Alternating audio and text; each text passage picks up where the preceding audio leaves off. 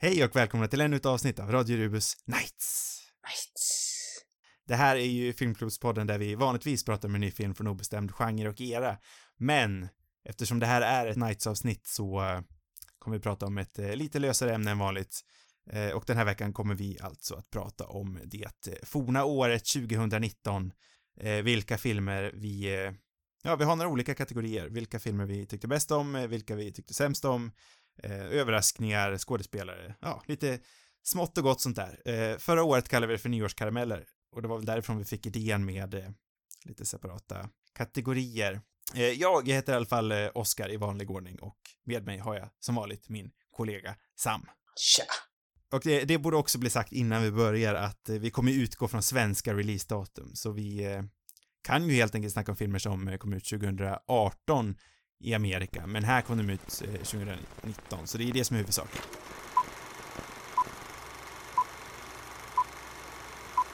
Okej, så vi börjar med våran första kategori, vilket är årets överraskning. Sam, vill du börja? Vilken var din filmiska eller teviska överraskning? Just det, man kan välja tv också, det, det har du helt rätt i. Jag säger det bara för att jag gjorde det. Ah, aha, jag har gjort en sån på en annan. I brist på andra överraskningar så kom jag med en lite larvig kanske. Murder Mystery, Adam Sandler. Should we pull it out? No, it's a foot long now. Will you listen to my husband? He's a detective. I'll put it back. Don't put it back. Det var inte katastrof. Där. Nej. Faktiskt ganska... Har du sett det den? Kan jag... Ja, den har jag sett och jag kan hålla med dig om att det, det var inte en katastrof. Det var en trevlig underhållande, trevligt underhållande film tycker jag. Ja, alltså, jag vet inte om den var bra, men, men jag tyckte den var, den var helt okej. Okay. Och ganska rolig. Och, och det var någon, det var, inte om det var i år, nej det var längre tillbaka kanske, men det liksom började vända för mig till att jag fullständigt älskar Adam Sandler nu.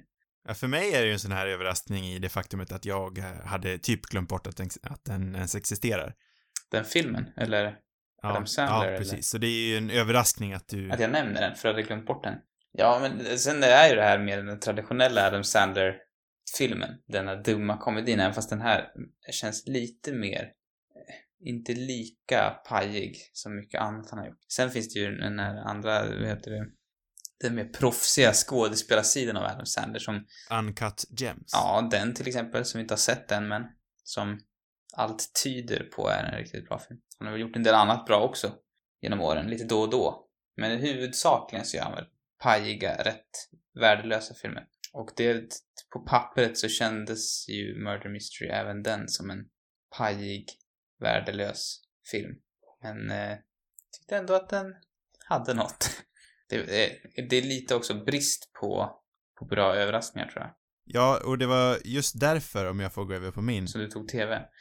Som jag valde en tv-överraskning och eh, det är väl kanske också lite, lite lat val, men min överraskning är att Watchmen var så pass bra som det faktiskt var. Mm -hmm. Det överraskade dig? Ja, okej. Okay. Alltså jag hade, jag hade ändå liksom, jag trodde det skulle vara bra. Mm, inte så bra. Nej, och sen började första avsnittet. Mm. Och jag tänkte, ja men det här är ju bra. Mm. Jag har inte en aning om vad som händer. Men det är bra. Mm. Sen kom avsnitt två. Ja, men det är, jag, jag, jag håller mig ungefär på samma nivå. Det är bra, jag vet inte vad som händer. Men eh, serien, den rullade på och den blev bättre och bättre och bättre och sen slutar den något så här fullständigt, liksom årets bästa grej nästan, inte riktigt, men det hamnade i någonting superbra som eh, verkligen översteg allt det jag någonsin trodde att det här skulle kunna vara och jag tycker absolut att jag är ingen superfantast av Alan Moore, men jag tycker väl ändå att det här någonstans känns som någonting som Alan Moore. Jag tror aldrig att han skulle kunna erkänna att han, eh, om, om det är någon av hans adoptioner som han skulle vara stolt över så tror jag faktiskt att det är den här. Mm, vad spännande. Yeah. För den eh, gör ju någonting nytt av den då och den har ändå någon slags den återkallar inte bara det han har gjort, utan den tar det och gör sin egna grej av det, sätter den idag i det moderna samhället och eh, verkligen liksom gör en samhällskritik av dagens, till mestadels amerikanska samhälle också. Mm, alltså jag har ju inte sett eh, klart hela serien, men man känner ju direkt att det är liksom det här är en serie som sticker ut. Som, ja men som gör någonting som ingen annan serie har gjort tidigare tycker jag. Det känns, den har liksom en unik röst ändå och ja, jag borde, borde se klart den. Jag har inte kommit dit. Jag kanske inte är lika fast som du är tyvärr. Jag vet inte varför riktigt men... Men... eh, Jag undrar om det har att göra med eh, Alltså, jag tror ändå man måste vara någorlunda insatt, vilket på något sätt också skärmar av åtminstone hälften av publiken. Men jag tror att man måste vara någorlunda insatt i Alan Moores eh, grafiska, vad ska man kalla det för, graphic novel. Mm, ja men det kanske är fallet. Jag tror... Eh, Det räcker inte bara att ha sett filmen nej, nej, och jag minns inte... Eller ja, jag kan väl filmen lite från filmen, men inte så mycket liksom. Jag är inte... Ja, jag är inte jätteinsatt. Eh, jag vet inte var... Jag, jag har haft något konstigt för mig, känner det som att det är serier jag har sett som jag tyckt varit bra, men ändå inte haft det här drivet.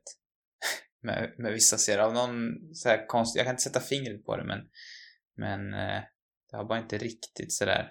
Jag har inte känt den där enorma lusten att se nästa avsnitt. Det var lite samma grej Mm. med, med Maniac förra året som jag tyckte var en riktigt cool serie. Den var riktigt bra men jag hade, det var ändå på något jag vet inte, det var inte, det fanns inte det riktigt det där drivet ändå av någon anledning. Ehm, det kanske är bara att det är vissa delar av Watchmen som jag inte kanske riktigt gillade eller som inte intresserade mig lika mycket möjligtvis, jag vet inte. Men jäkligt cool serie, så långt jag såg. Verkligen. Jag, jag tycker det är superbra och eh, alltså jag trodde ju någonstans att det skulle vara bra, men det var ändå mycket bättre än vad jag trodde att det skulle vara. Det känns också rätt som överraskning för att det känns som en serie som... eh, Eller det kändes svårt att liksom förutsäga att den skulle vara på det sättet den var. Eller av det jag sett i alla fall. Det var... Så var det liksom något helt annat. Eller inte helt annat, men det var... Det var, kändes ändå oväntat på något vis. Mm. Den, den överraskade. Jag håller fullständigt med dig.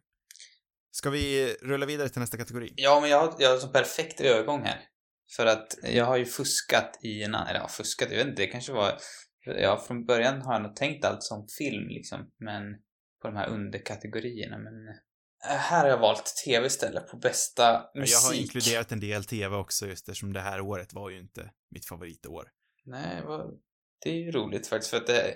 Jag tänkte faktiskt precis innan att det här var ett jävla bra år. Och det brukar alltid vara jag som är så negativ, så för en gång skulle kanske jag få vara positiv då.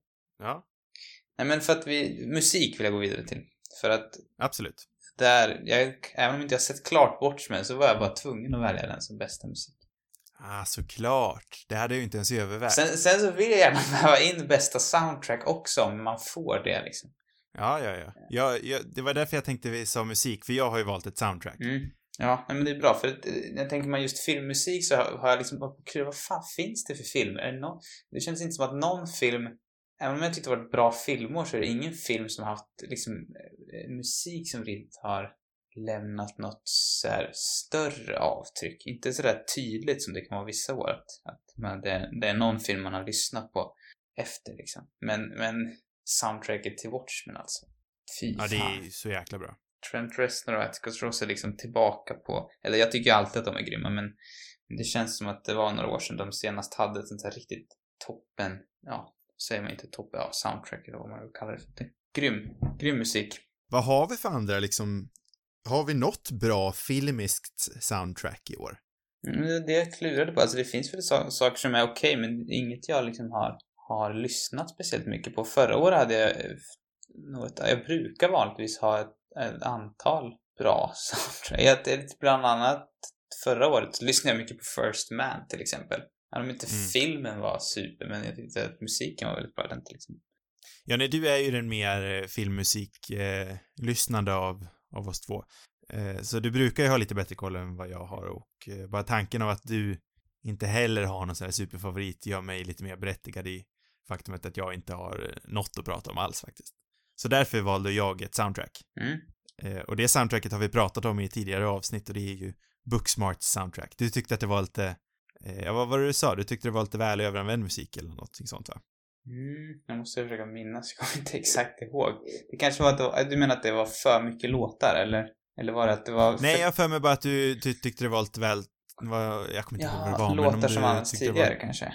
Ja, precis. Jaha. Ja, ja det, det är möjligt. Jag minns inte nu men, men det var nog inte... Det var inte mitt favoritsound, men det var fortfarande några riktigt bra låtar i den. Inte missförstå mig, men, men inget så här, inget jag har lyssnat på någon mycket efter direkt. Ja, nej, för mig så var det det perfekta användandet av eh, ett soundtrack. Mm. Och jag tycker hur de liksom vävde in det i storyn att eh, med både musik liksom i världen och eh, diagetisk musik, musik så heter det, eh, och eh, icke-diagetisk musik tyckte jag de använde på ett otroligt bra sätt och eh, jag älskade alla låtarna med i soundtracket med, så för mig i, i brist på annat val så blir Booksmarts eh, årets musik för mig. Vad, vad, vad har du för favoritlåt? Eller vad är liksom den, vad är, Oj, vad är oj, de bästa? oj. Jag kommer inte ihåg en enda låt just nu. Jag är ju normalt sett, jag lyssnar ju på musiken som din eh, pappa gjorde på 70 80-talet. Så, Jag lyssnar ju på din pappas ja, gamla det låter som att, som att det är han som har gjort musiken nästan. Ja, nej, inte, inte din pappas gamla garagerock, utan den musiken han lyssnade på Ja, jag eh, fattar. är ju oftast min favoritmusik. Så jag ligger ju inte riktigt eh, med, jag hänger inte riktigt med i musikdiskursen. Nej. Eh, men det här var ju året jag, eh, jag fick reda på vem Lizzo är. Och jag tyckte hennes låt Boys i, i Booksmart var rätt så, en rätt, en rätt så bra hit faktiskt. Mm. Sen Nobody Speak är ju dunderhärlig också, men den har ju använts i flertalet filmer. Vet jag inte heller. Eller Problemet är, jag lyssnar också mest på gubbmusik tyvärr. Så Ja. jag känner mig ju rätt så lost. Men det var bra låtar, det minns jag. Och jag kände nog, det var, fanns säkert någon annan som jag, som jag hade mer koll på, men jag minns den inte just. Men eh, oavsett, jag tyckte det var den perfekta användningen av, av ett soundtrack i en film. Det här, de får jag också nämna soundtracks. Eller Ja. fuskar jag då? Nej, nej, nej, nämn. För där har jag ju två, alltså uppenbarligen så tycker jag ju Tarantinos soundtrack som alltid är toppen. Det känns kanske Mm. lite tråkigt också, men jag, jag tycker ändå att det är värt att nämna. För om det är något soundtrack, alltså med just låtar som jag har lyssnat på om och om igen, så var det ju faktiskt låtarna i den filmen. Sen tycker jag inte riktigt att det, som, det tråkiga som man kanske har gjort med många andra filmer är väl att, att man har kopplat en låt till en väldigt ikonisk scen. Eh, Men å andra sidan tycker jag att det funkade ganska bra i, i just eh, Once upon a time in Hollywood. För att det blev mer som låtar från radion, eller vad man ska säga, förstår jag vad jag menar. Mm, ja, Det var väldigt mycket bra låtar när, när Brad Pitt kör bil runt omkring i LA liksom. Ehm, Ja, nej, för mig var det ju inte Tarantinos bästa soundtrack och det var nog där. Det, jag gillade det verkligen, men jag tyckte det var många återigen, det känns dängor. lite tråkigt som du sa. Eh, och det var inte min, mitt favorit av, min favorit av hans soundtracks. Jag vet, alltså, egentligen så tror jag, jag vet inte, inte favorit, men jag tycker ändå bättre än många andra av hans filmer så att det är nog bara kanske inte att det fanns någon ikonisk scen så. Annars så tycker jag också att Mid-90s, Jonah Hills eh, debutfilm, det soundtrack också riktigt bra. Ja, ja nej, den har jag inte sett. Där är det liksom mycket 90-tals rap och eh, hiphop och ja, punk också. Det är väl kanske inte jätteinsatt just punk, men det var också liksom väldigt viktigt för själva Ja, men jag vet inte, jag, jag, det, även om det inte är min favoritfilm från i år så är det ändå en film jag kommer ta med mig tror jag. Den hade liksom en väldigt mysig, eh, autentisk känsla tyckte jag. inte för att jag har någon koll egentligen på skateboard-communityt eh, och sådär, men det, den kändes trovärdig liksom. Och det här soundtracket var också som pricken över i. Den borde du se. Men jag har i, ingenting att tillägga. Vill vi röra oss in på eh, årets poddfilm kanske? Podd, vi kanske ska säga det också i och för sig att eh, poddfilm, det är ju årets... Som eh, gott. Ja, men precis. Eh, En av eh, filmerna vi har poddat om i det forna året. Mm, Vilken av de filmerna var våran favorit? Just det. Det är roligt, för vissa filmer har jag till och med glömt att vi har pratat om. Ja, Det var någon jag upptäckte häromdagen. Bara, "Oj, just det, vad fan sa vi om den för någonting? Eh, den, jag, jag måste ju ta Days of Heaven, eller Himmelska dagar tror jag. Det är nog den som har lämnat mm. Mest avtryck. Fast det var också tidigt, ganska tidigt på året kändes det som. Jag hade nästan, liksom, jag var osäker på om den hörde till det här året överhuvudtaget. Jag, jag tror det är favorit, så jag vet inte om det är den bästa filmen. Jag skulle verkligen vilja se den igen. ja nej, det känns ju verkligen som att den verkligen har... Den lämnade någonting hos dig. Ja, den var så härlig. jag vill bara kunna köpa den, men det går inte. Det är, annars hade jag köpt den för länge sedan och sett om den. Ja. Jag började se om den på samma hyrning, men vart en dag kanske får hyra den igen. Men det känns också trist att hyra den en gång till om jag kan köpa den. Men jag kanske ska nöja mig med det. Alltså jag har ju några till som jag också skulle nämna men det känns som att jag sitter här och kommer med massa alternativ på alla grejer och det, det, ah, jag tycker jag missar lite poängen. Så det är nog dags för dig att nämna din istället. tycker Min eh, poddfilm i år, det är väl inte heller nödvändigtvis den, eh, jag tycker det är konstigt att liksom skilja på bästa och minnesvärda. Ja. Eh, men det är väl kanske det mest minnesvärda om jag ska säga så istället och det är ju den franska filmen Lucia! Lucia!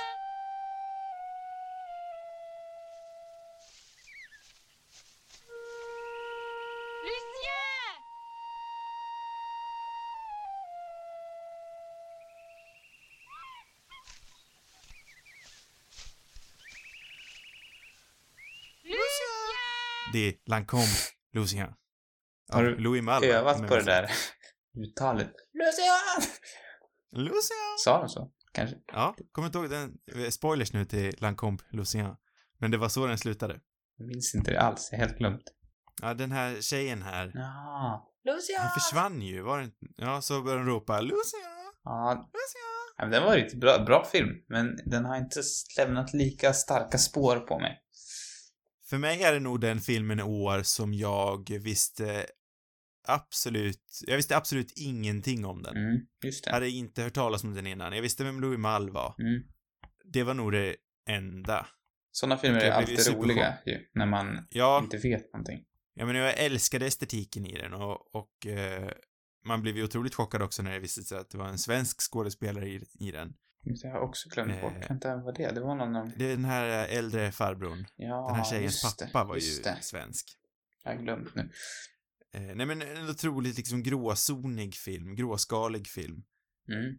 Eh, som eh, någonstans utspelade sig precis där i mellanskiktet av vad som är gott och vad som är ont, om man nu kan se världen så binärt. Mm.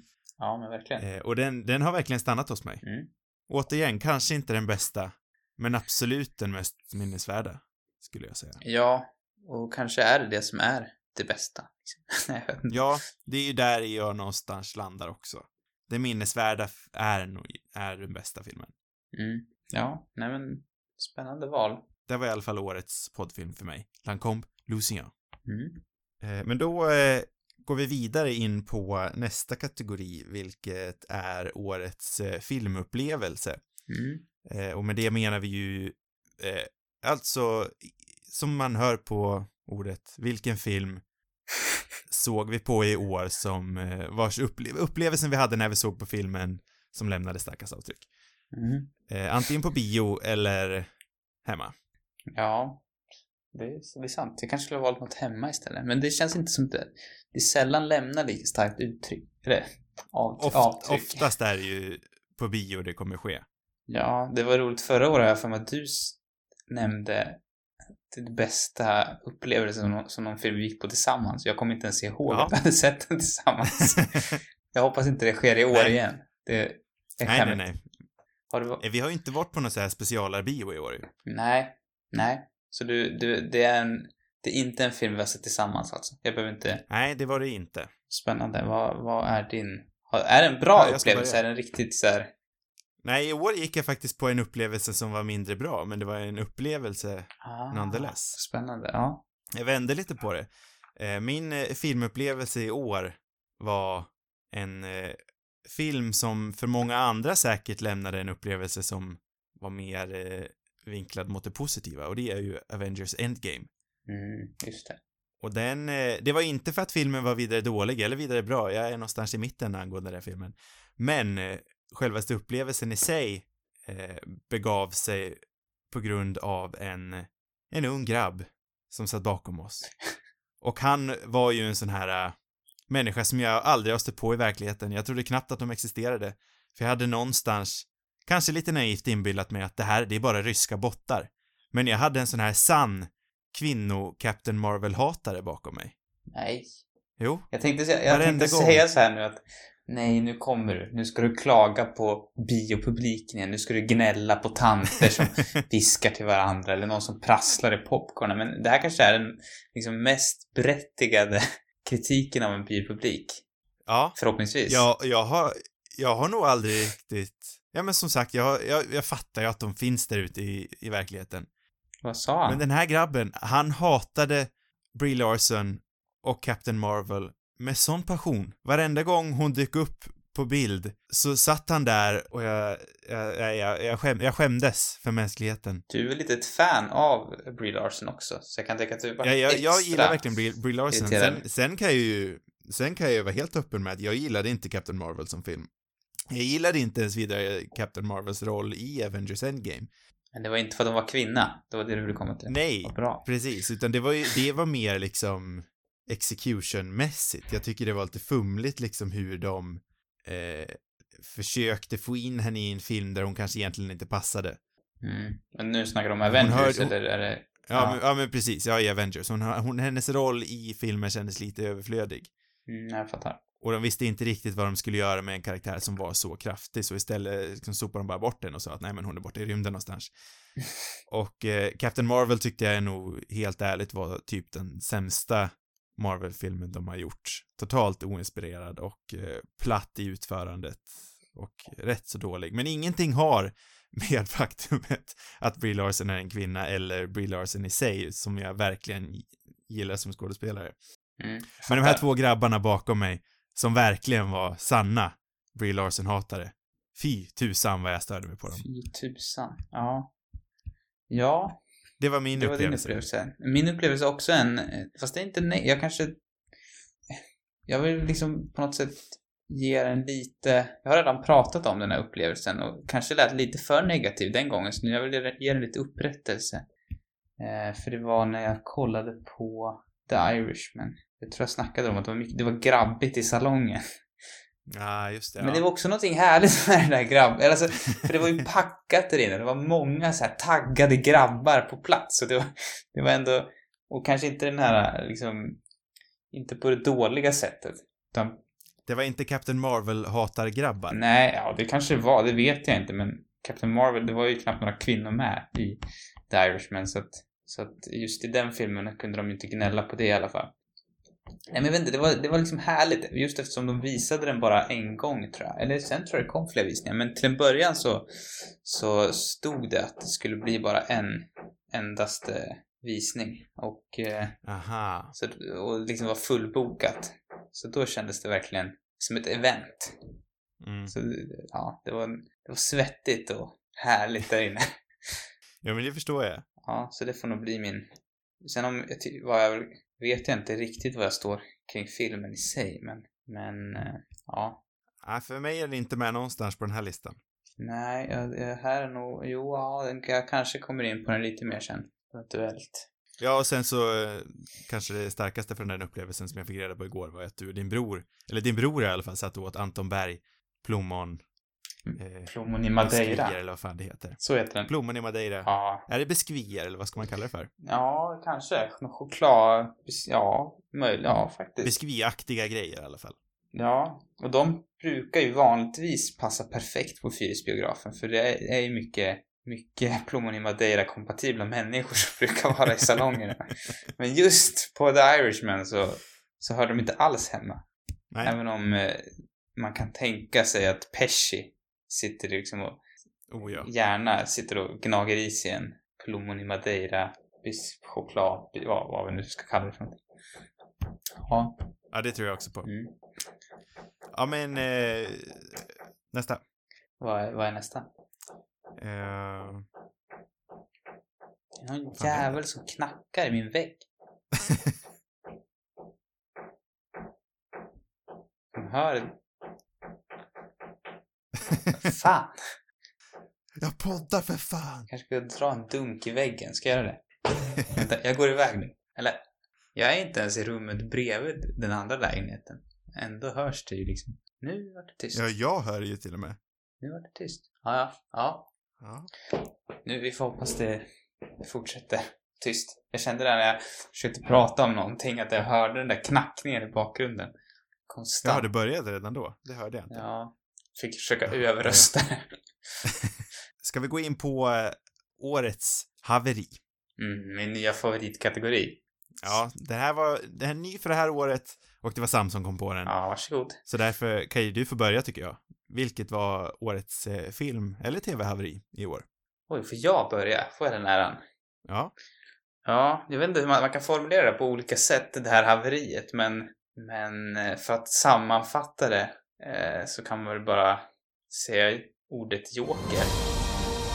I used to think that my life was a tragedy.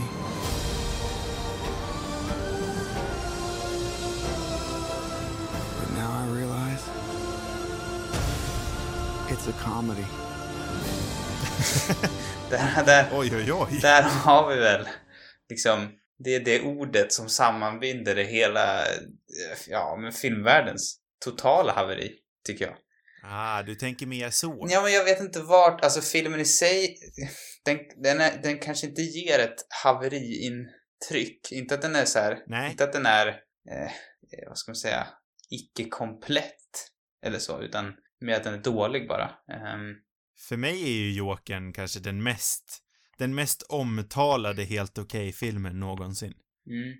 Men det, det, det är lite där kanske det största haveriet ligger, tycker jag. Att, att hela filmvärlden helt plötsligt blev fullständigt tom i huvudet. Eller så är det jag som inte Mm. riktigt fattar någonting.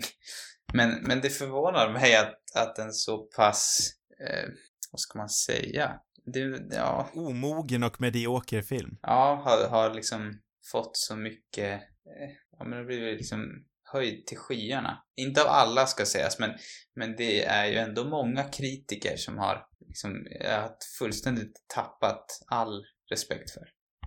Ja. För vanligtvis brukar jag ändå känna liksom, jag känner mig ofta, jag är ju ingen riktig filmkritiker så jag har liksom ingen, jag brukar oftast ha respekt för, för många av de här, alltså lite vassare i alla fall. Man känner liksom att de vet vad de håller på med för någonting. Eh, de är lite mer utbildade och liksom vet, kan motivera varför filmer är bra eller inte. Men eh, alltså att, ja, jag vet inte. Att någon så simpel film som Jokern har lett till så många goda recensioner, det, det fortsätter fortfarande förvåna mig, måste jag säga. Och Ja, för, ja, för mig är det liksom den stora frågan varför den ens har lett till så mycket samtal överhuvudtaget. det kanske är för att den Att är så ens dum, kan- möjligtvis. För jag fattar inte ens hur den kan bli så hatad som den har blivit. Jo, men det fattar jag. Nej, jag fattar inte hur den kan ha blivit så hatad som den blev och jag fattar inte hur den kan ha blivit så älskad som den blev. Eh. Jag förstår inte, vad är det kontroversiella med den här filmen? Vart ligger stoffet till all den här diskursen? Alltså vad, vad fan, vad, vad är, vad, vad är grejen? För mi- mitt hat ligger väl mycket i, ja för det första att den är så hyllad kanske, men, men också i eh, att den känns som att den på något sätt förkroppsligar lite av de här personerna du pratar om. Vet du, som satt på bion bakom dig och hatade på Brie Larson. Alltså den typen av eh, nättrollen nästan. Det här känns som en film för nättrollen. Det känns nästan som en hyllning till dem på något vis. Eh, Men då blir jag också så här, men fan snacka in, alltså, eller det är också dumt att säga att man inte ska snacka om den, det är, det är kanske lite överdrivet, men alltså det har ju, ja, jag tycker det är en intressant Nej, film att snacka om bara- faktiskt. Jag, alltså, jo det är ju det. Inte av det, den anledningen som jag tror att filmskaparna gjorde den nu. De, de vill väl lyfta psykisk ohälsa och ja, vad samhället kan göra med människor och så vidare. Eh, och det visar den i och för sig, men jag tycker också att det, min känsla, sen vet inte jag vad tanken med den är, men för det första så känns det som en film, även om de gång på gång uttalar det som att den inte, att det inte finns någon det, vet inte, i alla fall när man sett intervjuer med Todd Phillips, regissören, så är det liksom Nej, den här är inte politisk eller den har inget budskap eller så. Ja, men det är den ju absolut. Ja, verkligen. Och Den skriker ju verkligen, titta på mitt politiska budskap. Ja, jag har någonting att säga om vad som har gått fel med samhället idag. Ja, och ändå så är det liksom ett, ett polit, eller ett budskap som jag tycker är väldigt så här, svårt att fatta med den här filmen. För att det är så, men jag vet inte vad jag ska tro för någonting. För på, i, å ena sidan så är det liksom någon sorts, eh, eh, ja men, eh, nakt, alltså hur hemskt det är med psyk, psyk, vet det, psykisk ohälsa och så vidare. Och det kan leda till att samhället inte tar hand om, om folk och så vidare. Men på något sätt känns det också som en hyllning till, till folk eh, som... Eh, det känns som en hyllning till folk i, som bara vill göra kaos med allt. Eller, Men för att spela lite djävulens advokat, vad fan spelar det för roll då? Alltså sådana filmer har gjorts för. Ja, men Det spelar väl ingen roll om filmen liksom förespråkar anarki? Alltså egentligen, vad spelar det för roll? nej, nej, absolut. I och för sig, det har Jag, rätt jag, i. jag kan ju bli rålack på såna här människor som säger att såna här filmer borde inte få göras. Nej, jag tycker verkligen att, de, att att de de- borde få göras, det är inte det, men det är mer... Eh, det, jag vet inte, det är så otydligt vad de vill. Man kanske inte behöver ha ett syfte med en film liksom, i och för sig. Eh, men det känns väldigt mycket som att, som att de vill säga att, att, vad heter det, eller jag, jag vet inte vad de vill säga för någonting. De vill att man ska tycka synd Nej. om den här eh, ganska så förskräckliga karaktären. Som dessutom är så otroligt enkel. Som liksom säger rakt ut mer eller mindre. Jag mår dåligt. Jag har psykisk ohälsa. Det är liksom så här. det, är, det är liksom så övertydligt så att man kan, det blir skrattretande. Han säger ju inte, utan han ger, han ger faktiskt ut ett kort där det står. Just han skriver på ett papper va. Jag mår dåligt. Det är synd om mig. men så, vet du vad twisten är? Ja, Att de tycker inte synd om han. ja just det. Och det är det som är felet med samhället idag, Sam. Ja, just det. Vi förkastar de utkastade i samhället. Mm. Men jag tycker det känns, det känns som en hyllning till de som sitter på nätet och hatar på allting. Det, det, det är så jag ser filmen. Som en hyllning till dem. Eh, Ja, alltså, vi- vilket jag kan hålla med om är förjävligt att... Alltså, det är ju förjävligt, men jag tycker ändå att en sån handling har rätt att existera. ja, och jag tycker jo. det, är- alltså, det blir farligt om vi någonstans ska komma in... Jag vill inte förbjuda den här filmen, verkligen inte det. Men det, det Nej, jag, jag förstår Jag- att det är jag- det du jag- vill, syftar- men det snacket har ju gått runt. Ja, alltså, verkligen. Folk vill ju det. Ja, alltså det, det blir jag också lika irriterad på folk som, som vill, eh, vet du förbjuda något liknande. Jag vill inte förbjuda någon sorts, ja, det kanske jag vill, jag vet fan. Men nej, jag vill inte förbjuda filmer. Jag tycker filmer ska få göras, men, men, eh, och jag, på många sätt så har den här filmen gett mig mycket lycka också, för det, jag känner en stor glädje över att liksom eh, håna eller skratta åt de här personerna som tycker att det här är en, en bra film. Mm. Eh, Men det, jag tror det, det som fascinerar mig, eller som kanske är det haveriet jag pratar om, det är väl liksom att även folk som jag trodde bättre om hyllar något så, och inte för att de hyllar för budskapet, de hyllar en film som jag tycker är rätt dålig. För det är inte, Ja, inte, alltså, det är inte jag- budskapet som är liksom mitt största problem, det är med att det är en väldigt förutsägbar, tråkig, eh, övertydlig film. Mm. Som, eh, Ja, som säkert hade kunnat varit bättre med... För mig ligger problemet mest hos Todd Phillips, tror jag.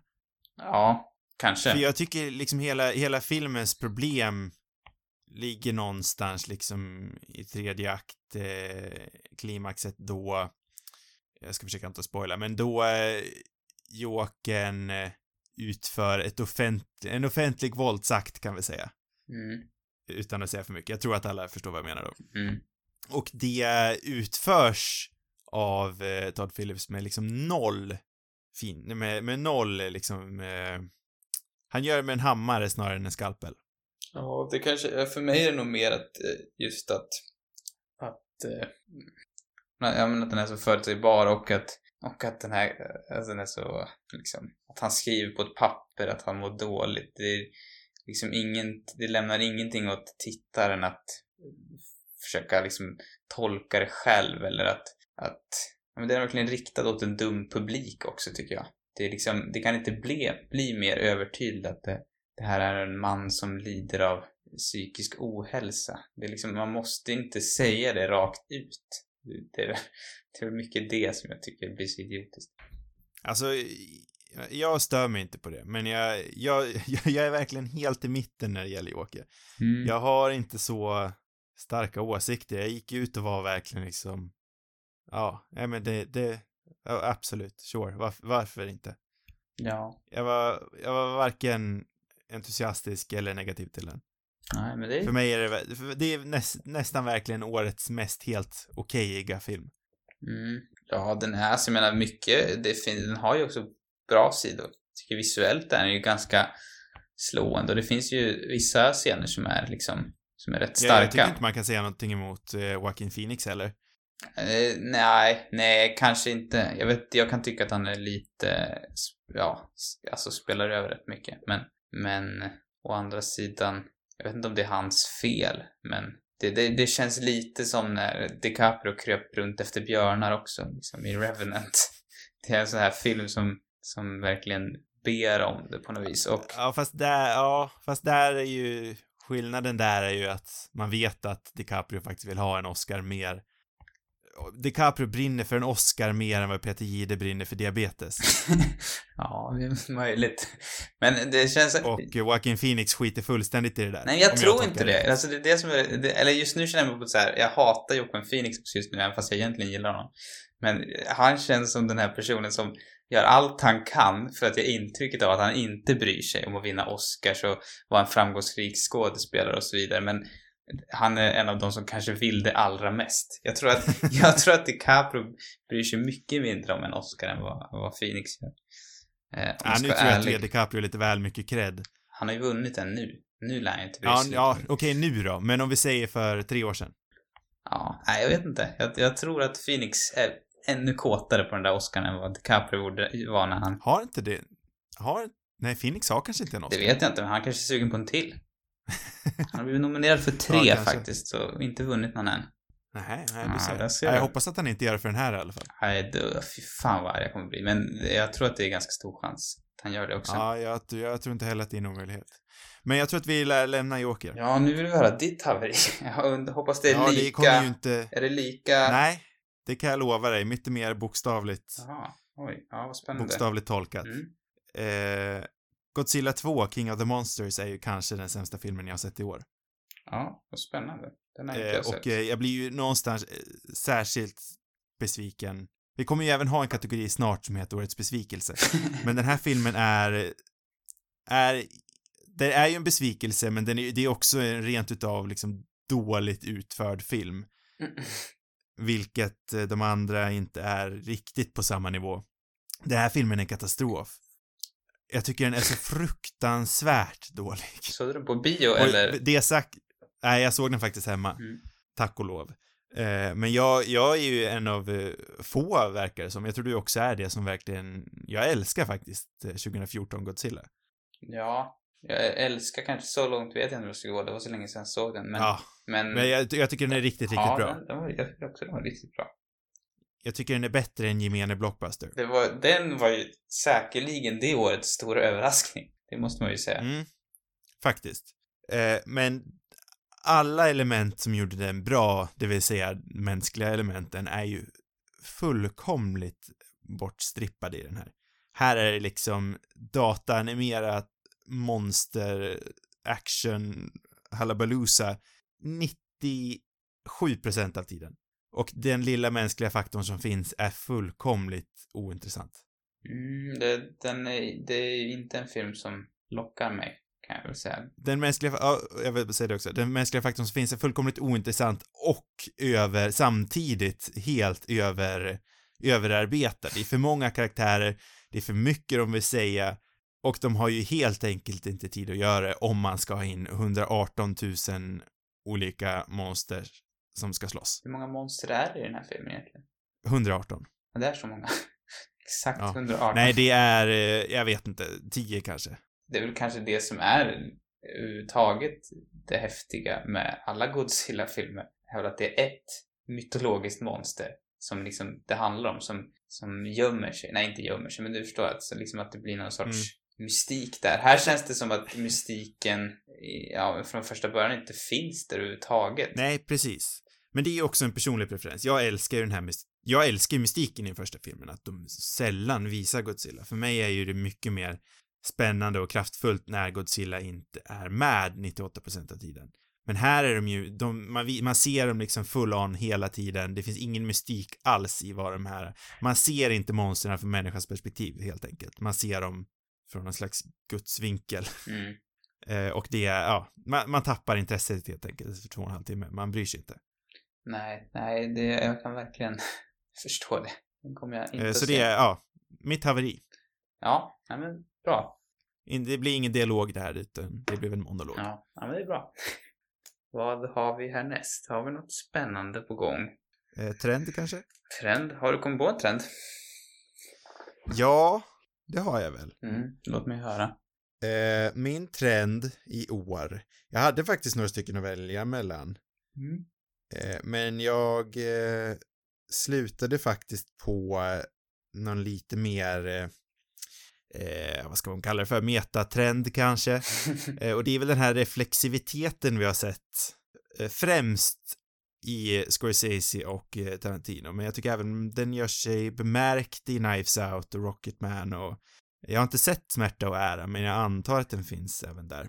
Mm, just det. Och med, med reflexiviteten menar jag att eh, istället för att liksom ha den här eh, porriga synen på det förflutna som jag ofta pratar om, att man går tillbaka liksom och tittar, det här var 80-talet, det kommer ni ihåg va? Titta här, här kommer Pikachu, det var 90-talet, då var du bara en liten grabb. Eh, utan här så kollar, det här blir liksom en mer konstruktiv tillbakablick. Mm. Vi kollar tillbaka på det förflutna, vad var misstagen vi gjorde och eh, ja men vi kollar på dem helt enkelt med en mer reflektiv blick, en mer konstruktiv blick. Vad gjorde vi fel, vad hade vi kunnat gjort rätt? Och försöker säga någonting nytt och gör någonting förhoppningsvis hälsosamt av det i modern kontext. Mm. Helt enkelt lära sig det förflutna istället för att titta, ja, istället för att säga att det var bättre förr så kan man kolla på det som det faktiskt var att det var inte bättre förr utan det känns bara som att det var bättre förr. Mm, spännande spaning. Den, Tack. den, eh, den kan man ju verkligen känna igen faktiskt. Och jag hoppas att nu att vi lämnar det här jävla porrträsket och går in i lite mer nytänkande. Men det tror jag inte. Ja, det känns som att absolut 80-talet har varit väldigt långlivat. Ja. Eh, Fy fan vad jag är less på 80-tal.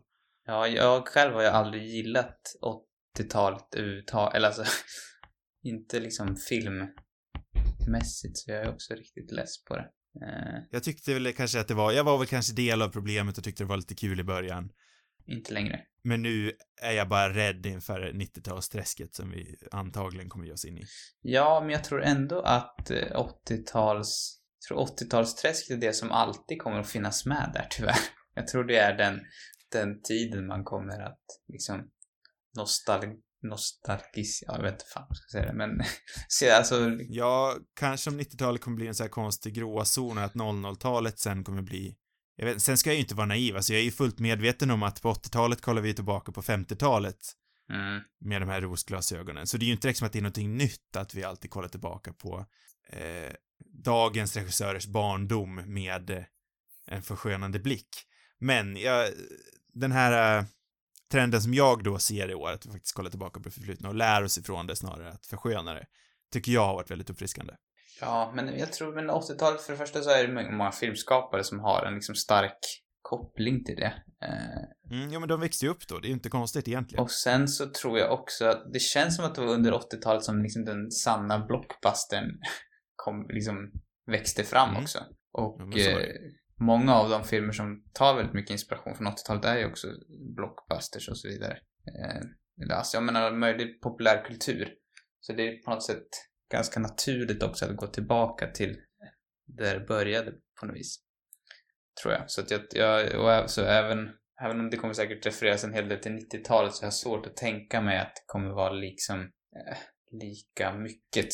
För eftersom inte, jag, eller jag, jag vet inte men jag bara spekulerar. Men det känns inte som att 90-talet har ändå riktigt samma ikoniska liksom värde som 80-talet på något sätt har. Jag vet inte, det kan vara helt fel.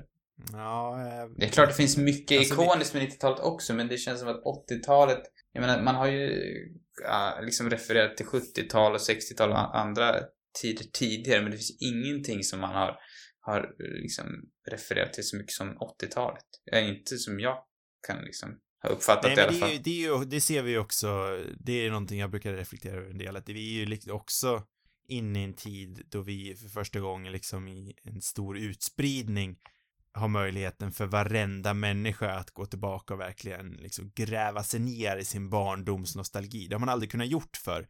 Och det är liksom på, kanske är lite väl sent, men 10-talet framåt är väl den utsträckningen då alla runt om hela jorden haft möjlighet att gå tillbaka tack vare internet till 80-talet och tidigare. Mm, det kanske är sant. Det, det har du rätt i. Eh, Så det är väl antagligen därför 80-talet haft en så stor, så stort genomslag som det har haft. Ja, Men vi börjar ju också se, vi börjar ju se spår av 90-talet. Sen behöver det inte betyda att 90-talet kommer att ha en lika stor eh, genomstrålning. Men vi ser ju i mid-90s, som du snackade om, vi ser eh, Pikachu-filmen som kom ut. Så det börjar ju ändå, ja, jag Jo, inte. alltså vi är definitivt där, men ja, jag- ja, det känns som att 80-talsfilmerna kommer alltid att finnas där. Det kommer fortsätta göra sådana. Men sen kanske det på något sätt pikar nu, de kommande, eller har pikat.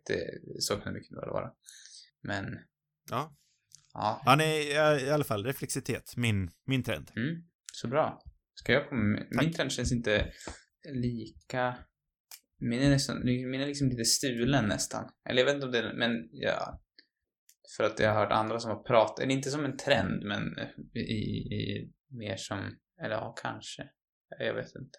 Det var på, på Empire Podcast, eller filmpodcast, som de snackade om det här med fanservice. Och det, jag vet inte om det men ja, jag känner ändå det är någon sorts trend och som kommer bli ganska intressant att se.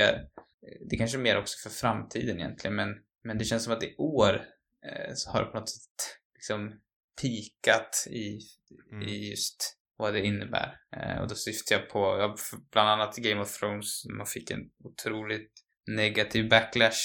Eh, och sen, eh, ja, senaste Star Wars-filmen till exempel, som har Absolut. väldigt mycket försöker att istället, och på grund av att den tiden tidigare i trilogin var, kanske inte var till alla fans, vad heter det, tillfredsställelse.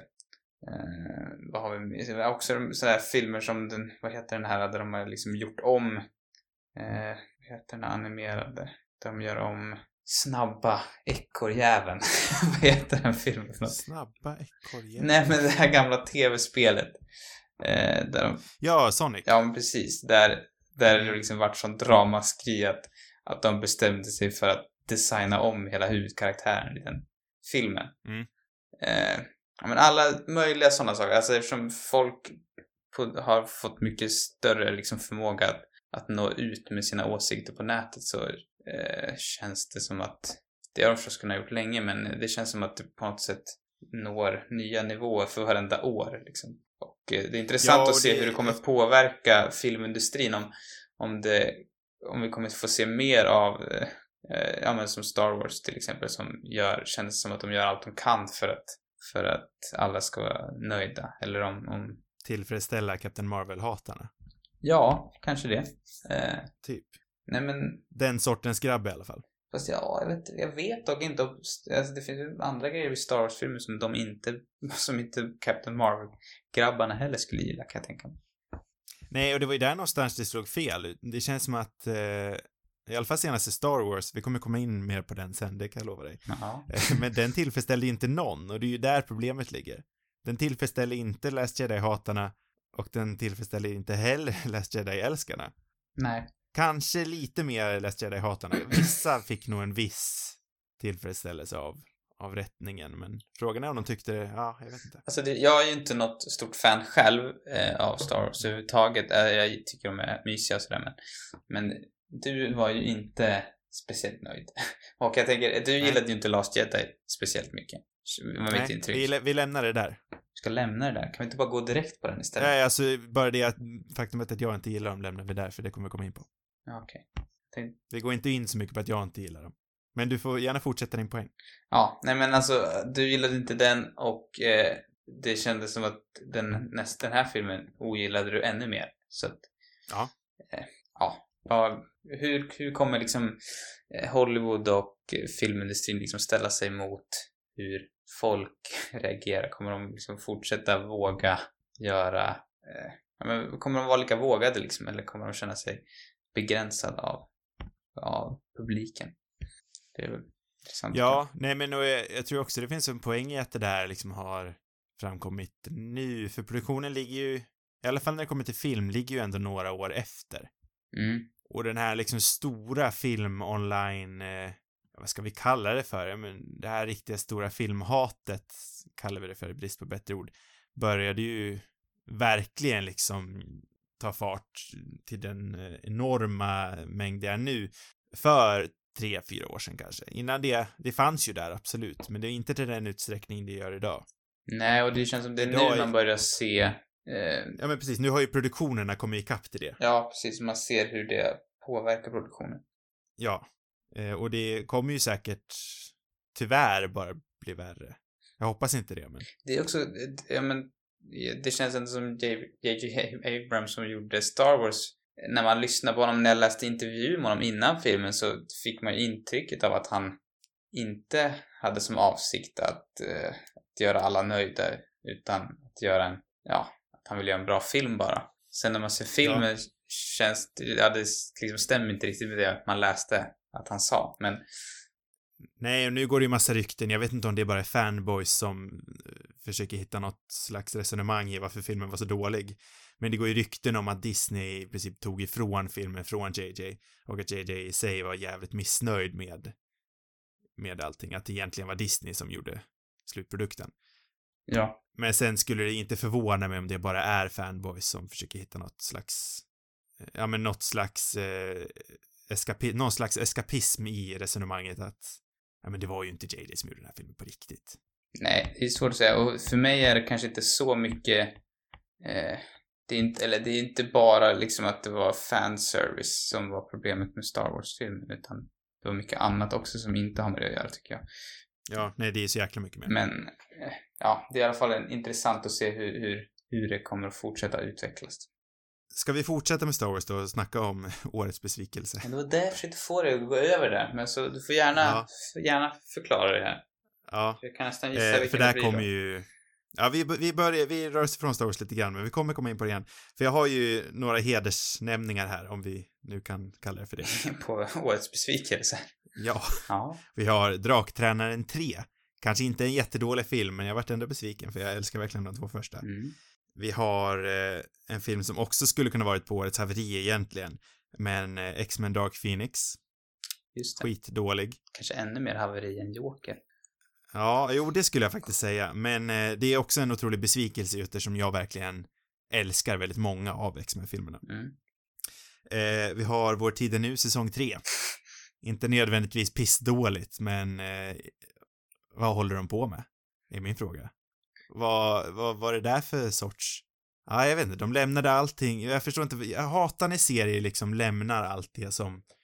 Absolut att man vill utvecklas, men när en serie någonstans liksom överger seriens självaste mening bara för att göra någonting nytt i den sista säsongen, då kan jag bli så otroligt störd. Mm, ja. Och det är grundproblemet med vår tid, äh, vår tid är nu säsong 3. Mm. Men sen har vi ju The Rise of Skywalker som är årets besvikelse för mig utan tvekan.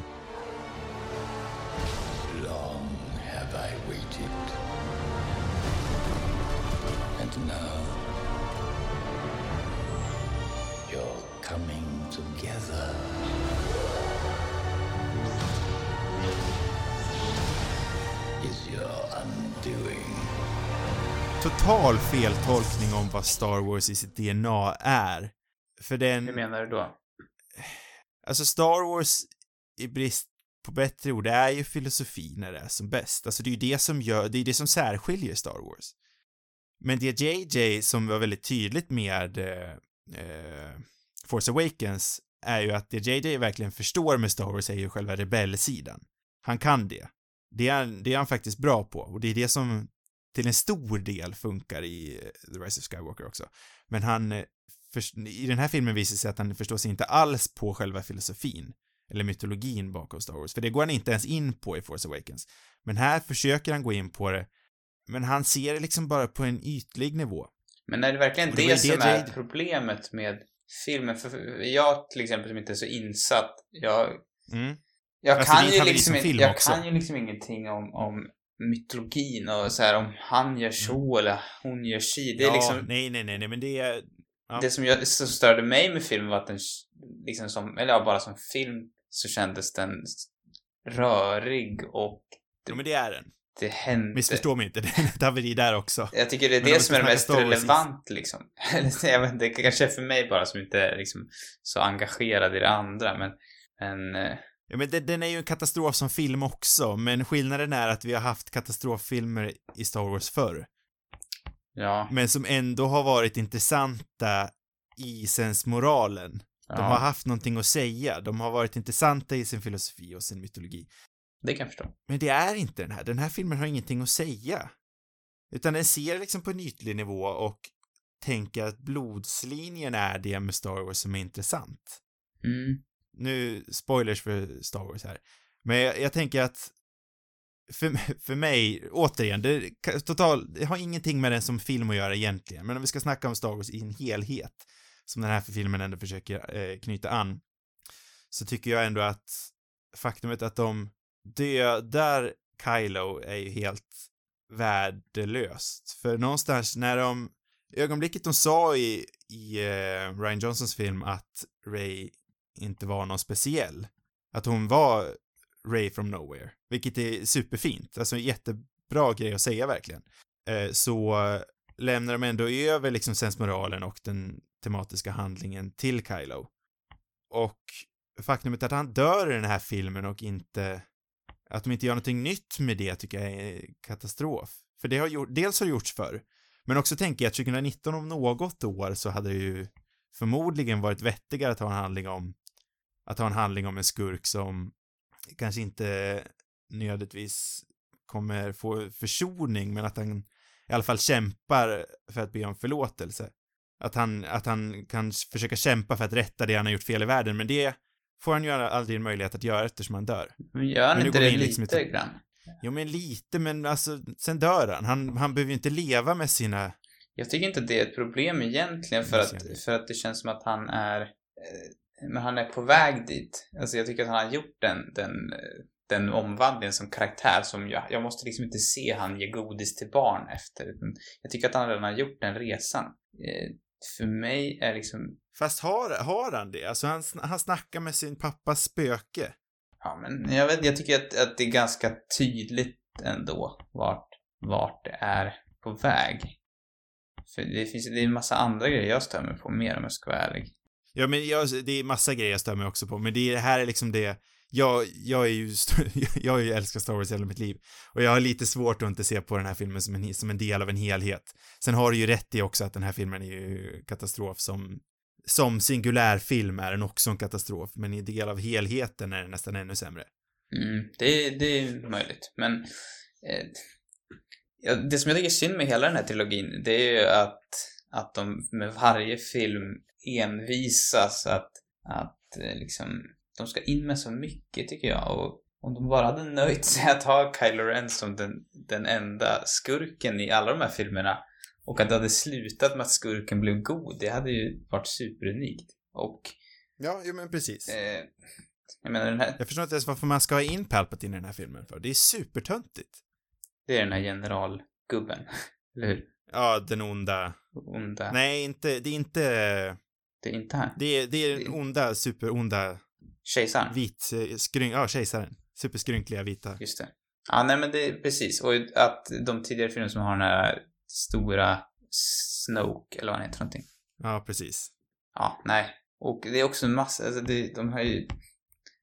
Det är också alldeles för många karaktärer tycker jag. Alltså det, det som var... Jag tycker ju mer om den, om Force Awakens än någon annan Star Wars-film. Och mycket ligger ju i att jag tycker de lyckades hitta riktigt bra karaktärer som var intressanta och som var, kändes fräscha. Och det var... Ja, den tar ju sin tid. Den springer ju inte fram. Nej, och sen så var den filmen, den i slutändan, eller de, det tråkiga med den var väl att den som hämtade så mycket från den första Star Wars-filmen. Och så, Mm. om det är något man ska kritisera med den så är det ju det såklart. Men, men jag tyckte ändå att den eh, öppnade upp för en, en, en helt ny, spännande trilogi. Eh, men sen så liksom faller de tillbaka i, men i samma fällor som alla andra stora blockbusterfilmer gör. Och de sjabblade också bort alla de här spännande karaktärerna genom att för det första introducera en massa andra karaktärer som jag tycker känns i slutändan ganska överflödiga. Mm. Eh, och alltså jag förstår ju syftet med, eller alltså det är väl fina tankar bakom det men jag vet inte, jag tycker de kunde ha nöjt sig med de som de har redan. Eh, för, och för att berätta deras historia på, med, med djup.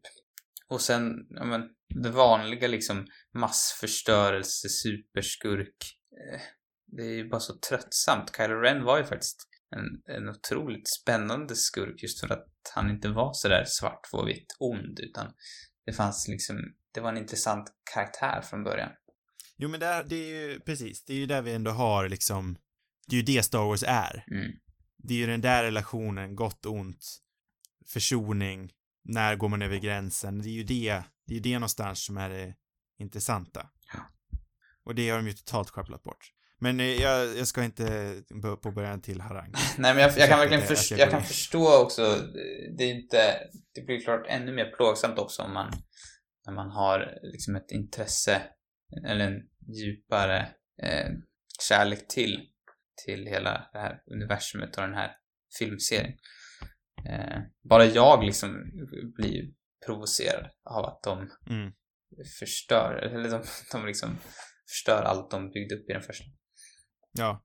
Ja, nej, och sen, eh, jag sa det för och du har sagt det, men jag säger det igen, det är inte bara det att filmen inte går ihop med resten av serien, utan det är ju, det är ju mest det faktumet att den här filmen inte ens funkar för sig själv i sin egna lilla omslutna, singulära, jag är en ensam filmvärld. Nej, den var liksom tråkig. Den var, den var riktigt seg tyckte jag.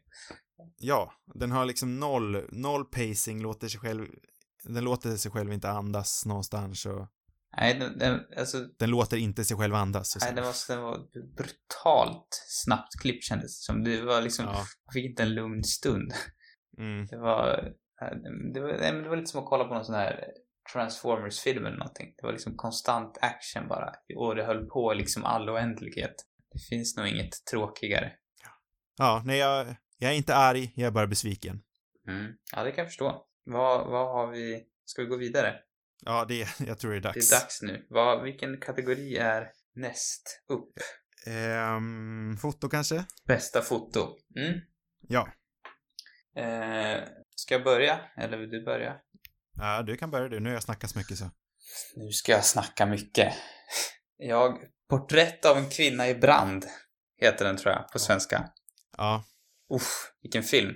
Eh, vi pratade ju tidigare i höstas var det väl om, eller var det i somras kanske? I somras var det. Om Celine Chiamas eh, Girlhood. Eh, och eh, hennes eh, film, senaste film är ju, ja, ännu bättre tycker jag. Eh, den är liksom, nu ska vi förstås prata om fotot här, kanske inte om, om filmen, men jag måste ju börja någonstans. Eh, men mycket av i alla fall, jag ska komma till fotot, så mycket av fotot ligger väl i liksom det, vad ska man säga, för det första är det- bara liksom så, det är liksom, det är som en målning mer eller mindre, hela den här filmen. Eh, jag vet inte om du har sett den? Nej, det här är ju, jag har tre filmer jag verkligen ångrade att jag missade i år. Det här är en av dem. Eh, och det är ju, det här är ju, det är den, eh, Portrait of a Lady on Fire. Det är eh, Smärta och ära, som redan nämnt. Och eh, Le Mans 66, är det så den heter? Ja, det stämmer. De tre De tre. missade jag i år och det är jag som allra mest besviken över. Ja, det här är den största missen. Kan jag ju säga på en gång. Mm. Jag har inte sett Le Mans i och för sig. Den kanske är ännu bättre, vem vet. Um, nej men bara den, den filmen i, den lever ju mycket på eh, fotot i alla fall. Eh, det är liksom, så svårt att prata om foto egentligen men det är liksom, det är ju en, ett perioddrama. Eh, men ehm, det har liksom, vad ska man säga, de försöker inte, hon har inte försökt göra någonting som ska se Miljöerna är ju gamla och kostymen och allting men fotot är liksom knivskarpt och det är liksom otroligt färgrikt och ja, men som en gammal riktigt bra tavla fast liksom mycket skarpare. Eh, och nej, men jag har nog inte sett något liknande tror jag som har liksom gjort den här typen av film och eh, ja, men haft en, ett sånt liksom väl genomtänkt foto för det är inte bara liksom färgen utan kompositionen är liksom alltid det känns som att varenda bild är perfekt på något vis. Eh, och ja men som jag sa just den här eh, krispheten. Eh, och vet, som jag, om jag, jag tror hon har sagt också själv att, eh, att hennes tanke, hon har filmat den här filmen i, jag tror det är 8K eller något så här. nej 4K kanske. Oj. Eh, 8, jag är osäker. Väldigt hög, hög, högt upplöst i alla fall med liksom grymma kameror typ. Och det var för att hon ville eh, att hon ville att filmen skulle ha en liksom kontemporär look fast ändå utspela sig ja, för länge sedan. Och att, ja, men jag tycker det funkar det funkar liksom så bra för att det känns som att man är plats och upplever det här och hon har också helt skippat att använda sig av musik i hela den här filmen så att det är liksom bara eh, grym eh, ljuddesign Eh, och inte, ett, inte en enda låt med liksom. Eller ja, det är, någon, det är en låt som, alltså folk som spelar, eh, det är en orkester med i slutet av den här filmen till exempel. Så där är det ju musik. Men, men annars finns det liksom inget, inget score överhuvudtaget. Eh, Ja, Det låter ju verkligen som en grym eh, helhetsanvändning av fotot är ju inte separat utan det går ihop med själva handlingen också. Ja, alltså hon använder verkligen sig av fotot på ett eh, väldigt bra sätt och sen så, ja, sammanspelar med allt det andra som också är, är i, ja, mästerklass. Ja, nej, jag är riktigt besviken att jag missade den. Mm. Eh, mitt foto kommer jag nog inte ha riktigt lika mycket att säga om, men eh, det är Parasit. Mm. Eh, Bon Joon-Hos eh, Parasit. Som eh, är en sydkoreansk film som säkert alla vet. Eh, vi var och såg på den här på bio igår. Mm. Och eh, när vi satt där i biosalongen och, ja vad kan det varit? Två tredjedelar in i filmen kanske så springer våra karaktärer hem i en regnfylld scen. Mm. Och där slog det mig verkligen hur, jag tänkte ju på det redan innan, men där slog det mig verkligen att fan, fotot i den här är ju fantastiskt. Så för mig, eh, det är ju en ganska spoilerfylld scen, så där vill jag inte prata för mycket om fotot och hur fotot går ihop med eh, historien, vilket jag verkligen, det var verkligen det som eh, satte fast vid att det här var bästa fotot för mig i år. Eh, så jag, jag tänker inte gå in på det allt för mycket, men Parasit är säkert en film vi kommer prata om någon gång. Ja, och, men samma med den här filmen så känner man att eh, det är liksom inte bara att det ser snyggt ut eller vad man ska säga, utan det, Nej, det går ihop. det, det samspelar så bra med, med resten av filmen. Eh, det blir liksom en viktig komponent som, som höjer den. Ja, vi, vi kan väl, utan att säga för mycket, men hela filmen är ju liksom en klass, klasskamp och fotot speglar det väldigt bra tycker jag. Mm. Eh, ja, nästa. Årets stjärna. Eh, det är, eh, ja, det är ju inte bästa skådisen direkt, utan det är väl en, en människa i filmbranschen som har eh, eh, någonstans överstigit eh, självaste skådespelarinsatsen eller någonting annat. Eh, och eh, grundat det i någonting mer, kan vi säga. Mm. Jag kanske borde ha hört den där Eh, motiveringen innan jag valde här.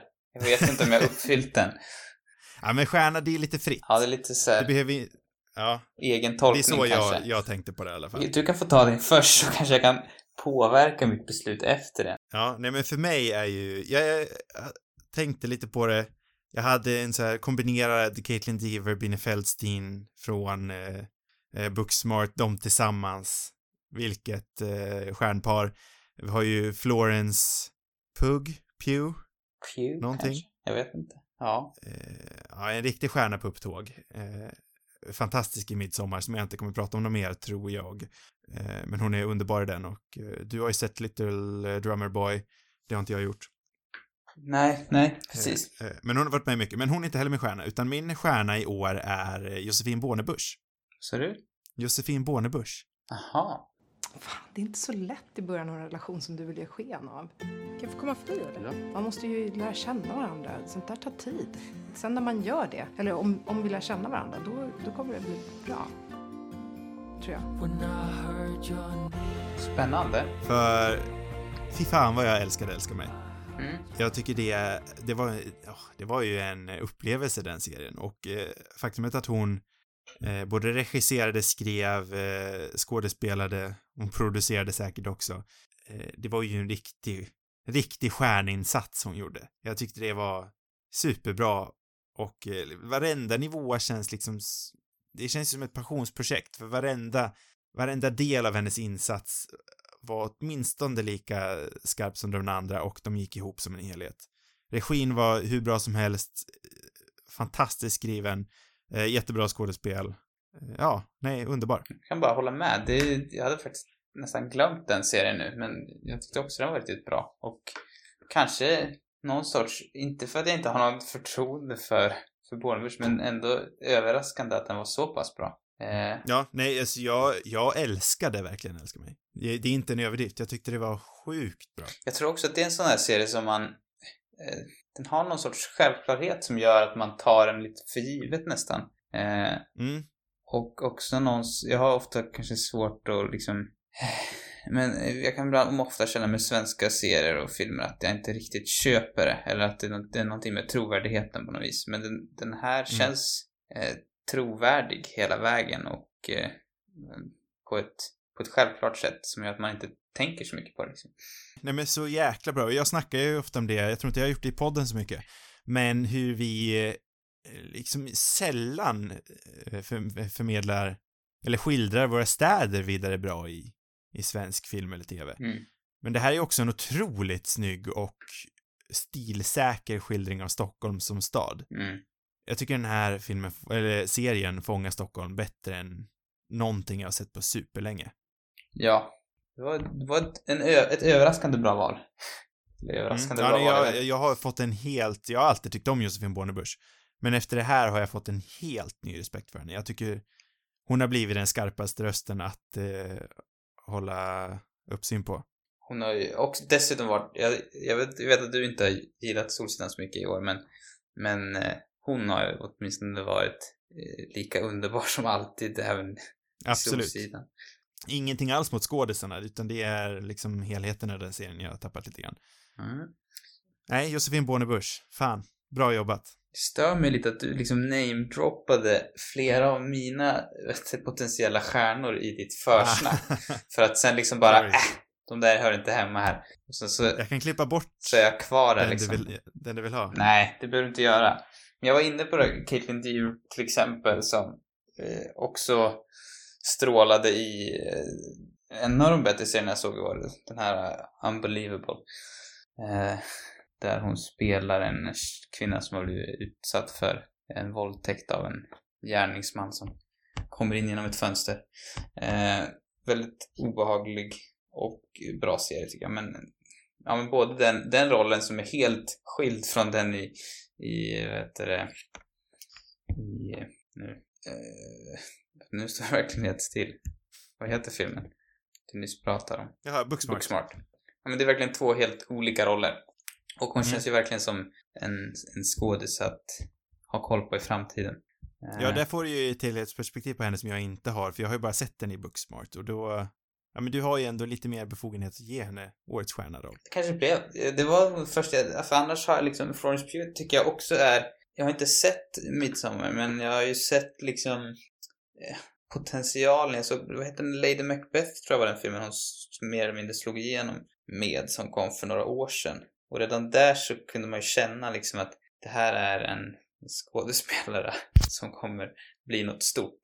Eh, sen har vi inte sett mer än, eh, mer än just den här serien då. Eh, så har jag, nog- har jag inte sett något annat med henne men, men hon har ju verkligen gjort ett antal minnesvärda roller känns det som efter det. Mm. Eh, men kanske får välja Caitlin Deer ändå tror jag. Som mitt val. Ja, det tycker jag är ett starkt val ändå. Mm. Ja, det får bli så. Jag tycker ändå att hon har blivit lite eh, bortkastad eh, under Binne Feldstein. Jag, jag tycker det känns som att Binne Feldstein har fått majoriteten av all uppmärksamhet. Välförtjänt, men eh, Caitlin Deaver borde inte heller glömmas bort. Nej, nej. Men sen är mycket med de här det beror på vad man vill se på stjärna också. Jag har kanske sett det mer som, som eh, några som är, som är stora men som liksom har ännu större eh, framtid eller vad man ska säga. Mm. Eh, Ja, det är som sagt, årets stjärna är en väldigt öppen kategori, men det är, det är mer än bara den, den ensamma skådespelarinsatsen. ja, precis. Mm. Så vad, vad har vi Eh, sen? då, har vi eh, tv-serie sen? Ja, eh, det var ju här jag hade tänkt snacka om Älska mig. Men Det vi eh, gjort redan. nu vart ju det redan gjort, så då, eh, och vi har ju snackat om Watchmen också. Så då tänker jag, då är det väl inte mer än rätt att vi pratar lite om Gösta. Ja, min favoritserie. Ja, har du också valt den? Ja, eh, det finns ju flera serier som jag tycker liksom har levererat Det har varit ett fantastiskt tv-år. Ja, och jag har inte sett så mycket av det nya. Gösta, jo okej, jag såg den där Unbelievable också som jag tyckte var riktigt bra. Eh, den har jag snackat om tidigare tror jag någon gång också. Eh, ett- alltså, sen finns det så här serier som all, The Crown levererar ju alltid fast det är nästan så att det är liksom, det är en sån sån här serie som verkligen går by the book känns det som så att det nästan blir Mm. tråkigt till slut. Man kan liksom se så här, varenda avsnitt är liksom på något sätt någon sorts perfektion eller det är liksom så att det Ja. nästan blir övertydligt. Eh, men eh, den, jag tycker The Crown startade lite segt men eh, ja, de har genom att liksom vända, eller ja, ge nya, några nya karaktärer mer utrymme så tycker jag att den blev bättre och bättre mot slutet. Ja, vi, vi såg bara första avsnittet, men vi fastnade inte riktigt. Men vi kommer gå tillbaka och... Det är ju, det, Och se ja, igenom. det som jag har tyckt varit bäst med den här säsongen, det är att få följa, eh, utan att säga för mycket, men få följa Charles till exempel och hans syster Anne. De, de, Mm, jag kan tänka mig det är de karaktärer som jag eh, hoppas de kommer lägga ännu mer kraft på i, i nästa säsong. Ja, för Charles hade ju också ett av de bättre avsnitten i säsong två, om jag minns rätt. Ja, men precis. Och de har verkligen lyckats hitta en, en bra skådis att porträttera honom även den här säsongen. Sen tror jag, alltså min absoluta favoritkaraktär är nog Princess Anne. Hon har väl inte så mycket, jättemycket utrymme. Hon har liksom inte samma utrymme som Charles, men hon är, ja, hon är så jävla cool bara.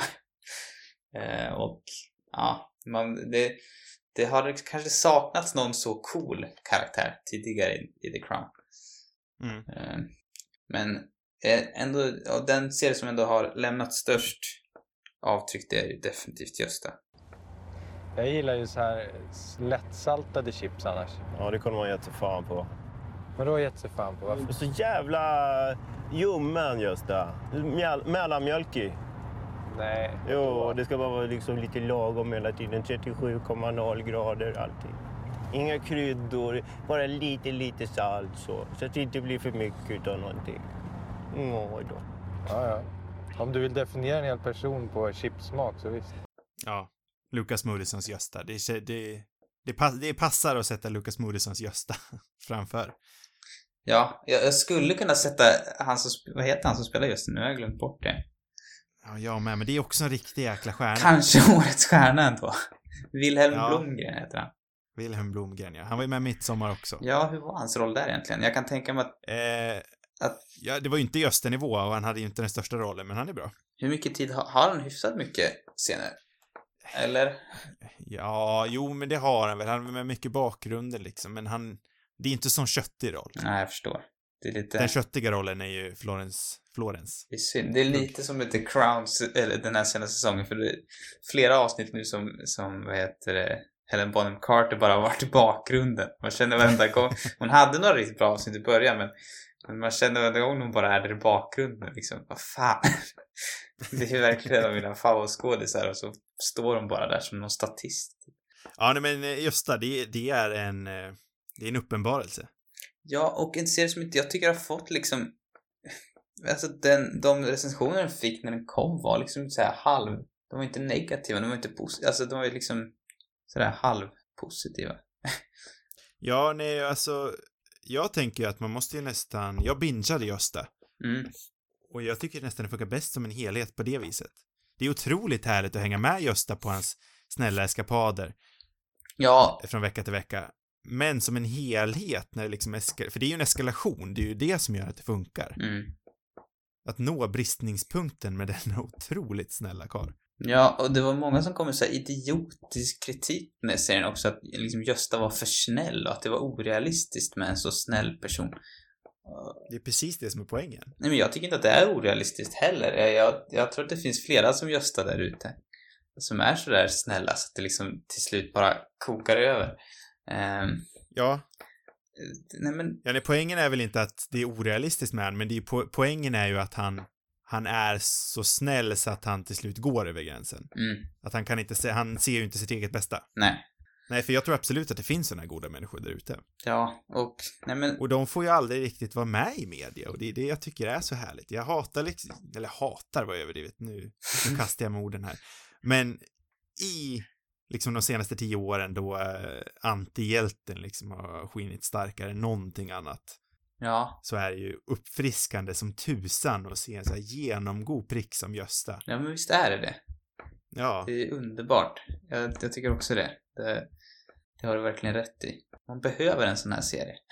Och jag tycker också att den här serien på ett liksom, ja men ändå vardagligt sätt ändå tar upp rätt allvarliga eh, saker liksom med de här karaktärerna som figurerar runt omkring Gösta. Och Mm. Bland annat, som, tidigare, som jag tidigare har ravat över psykisk ohälsa, så tycker jag den här serien på ett mycket bättre sätt eh, tar upp sådana frågor. Och den känns ju så är, säregen också. Den är ju unik.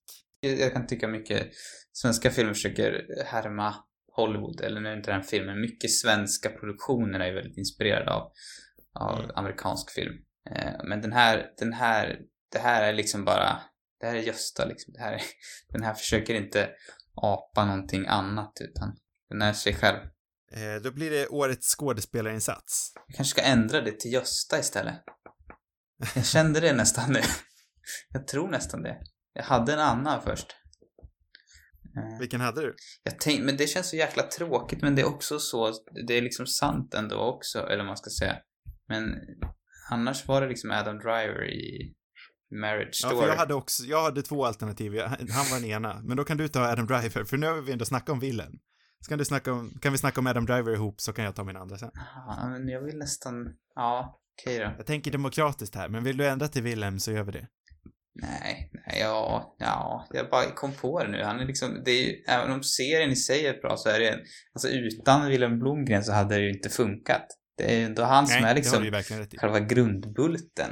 Han är ju liksom ett otroligt charmknippe, hela han. Mm. Och, eh, Ja, utan en lika sympatisk människa hade det ju inte gått. nej, och jag, nej men precis. Alltså, det är liksom en av mina absoluta favoritkaraktärer tror jag. På väldigt, väldigt, väldigt länge. Eh, men, ja, i filmens värld så, så då får jag väl ändå säga Adam Driver, även om det känns lite tråkigt. Men man kanske inte, man kan inte låta bli att välja någon bara för att många andra säkert också skulle säga Adam Driver i Marriage Story. Men sen tycker jag också det är någonstans värt att säga Adam Driver eftersom han antagligen inte kommer vinna något av de större priserna. Nej, det är ju Han, skamligt. jag tror att han helt har försvunnit ur eh, samtalet. Tror du att det är så illa? Ja. Ja. Det var, som ryktena går just nu i alla fall om man kollar på andra nomineringar så ser det ut som att Adam Driver antagligen inte han kommer säkert bli nominerad, men jag tror inte han kommer vinna. Nej, det är ju... Det är risk att jag blir ännu mer förbannad på Oscarsgalan i år än vad jag blev förra året. Ja.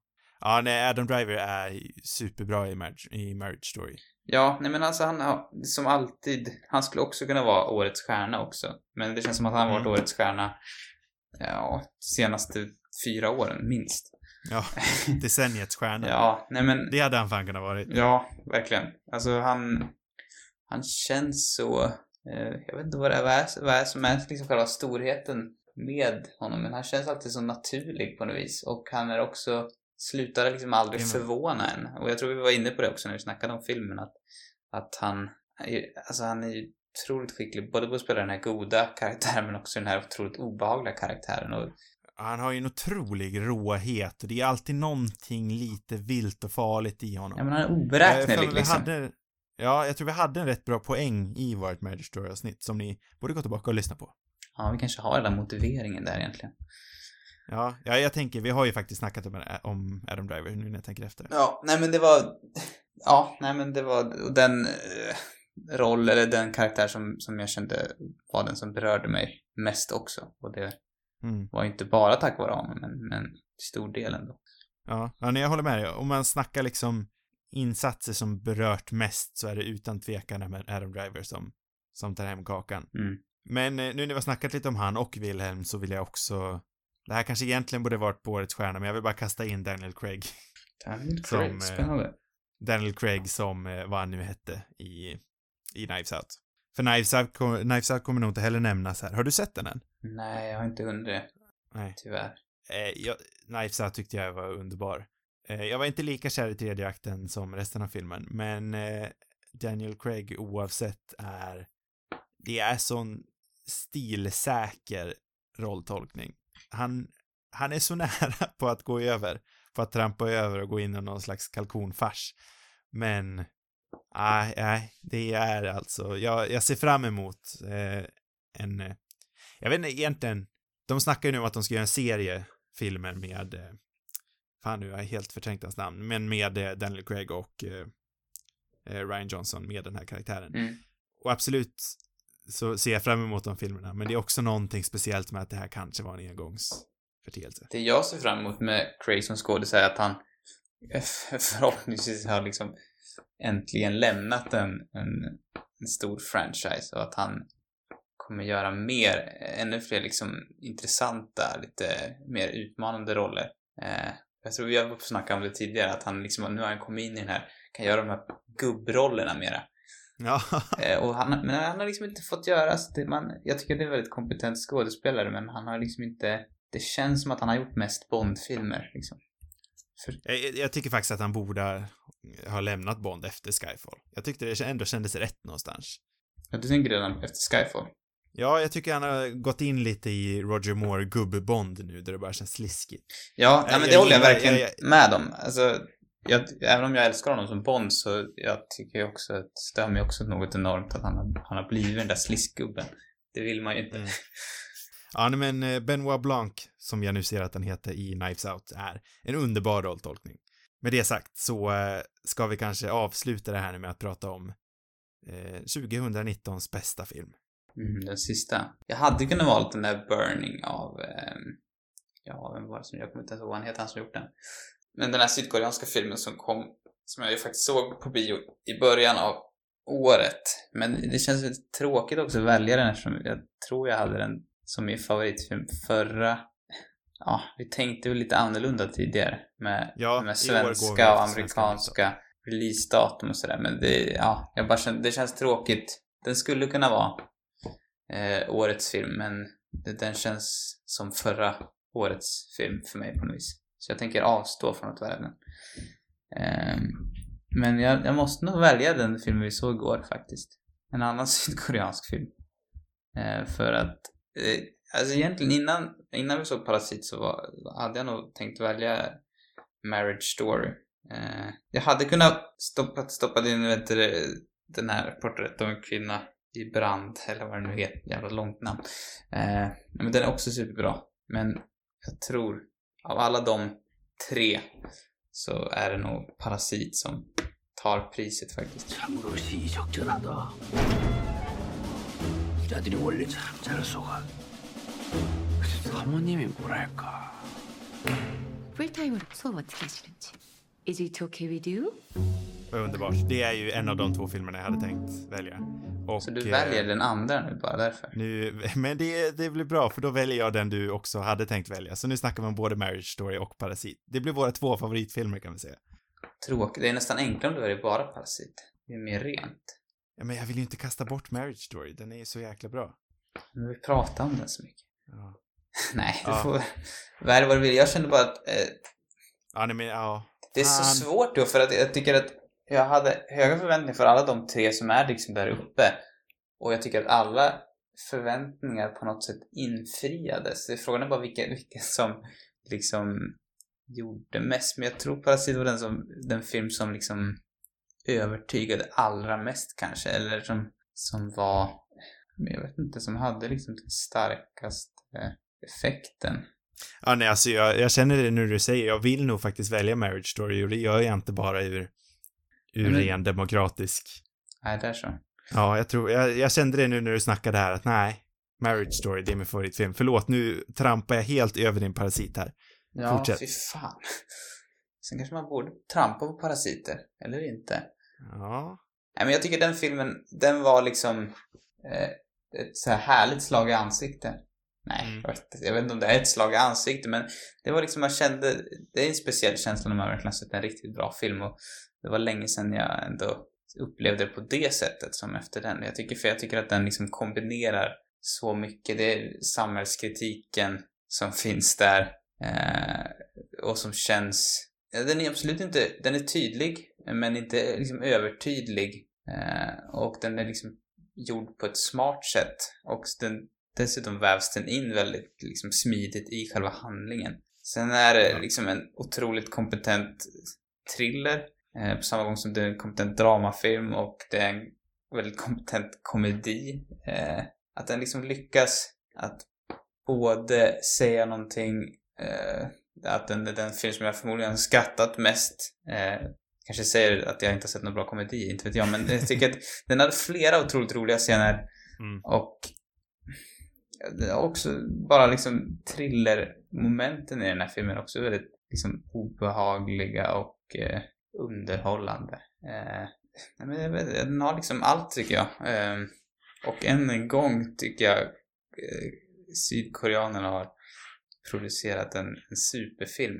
Det är någonting med hur de liksom skriver sina filmer. Det kanske är att man är på något sätt va- ovan med, med, med deras s- stories, eller vad man ska säga. Men jag tycker alltid att de lyckas liksom förvåna en och, eh, och de känns så mänskliga också de här filmerna. Det, och det är väldigt bra skådespel och, och eh, ja, men det, om man ska jämföra den här med, du gillar ju, eller du nämnde ju Okja till exempel på Mm. mm. decenniets bästa filmer och det tycker jag också var en väldigt bra film men den, för mig är den här liksom nästa Den här nivå. biten mer.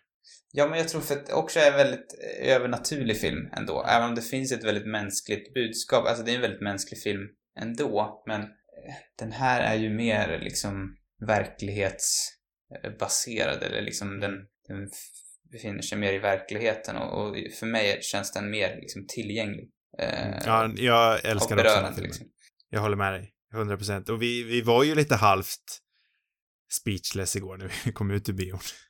Ja, och, men det är också häftigt för att, eh, att just kunna liksom leverera det tycker jag är så imponerande för att man hade ju höga förväntningar på den. eh, Mm. Men att ändå liksom toppa de förväntningarna, det, Mm. det, det är rätt. Och det måste man ju verkligen säga om Marriage Story också att den kanske inte toppade på samma vis som man ska, det som gjorde ändå att jag valde Parasit till slut, det var nog att de andra två filmerna nådde upp till mina väldigt höga förväntningar. Sen kanske de förväntningarna var ännu högre på de filmerna än vad det var på den här filmen. Eh, men, men ja, de, de nådde ju upp dit, men de var ju inte så att de toppade förväntningar. Så kan man väl säga. Ja, jag tror kanske att eh, våra egna preferenser målas lite av det som du säger nu att för jag tror att jag såg mer fram emot eh, eh, Parasit innan än vad du gjorde och du såg mer fram emot Marriage Story än vad Mm. jag gjorde innan. Även fast vi Mm. båda såg fram emot dem Mm. så tror jag att det var mer från eh, separata håll. Och det, precis det du säger nu gäller ju för mig på Marriage Story att den nådde ju mina förhoppningar och överskred dem Mm. enormt. Eh, så jag, jag tror verkligen att du, att det kanske har någonting med saken att göra.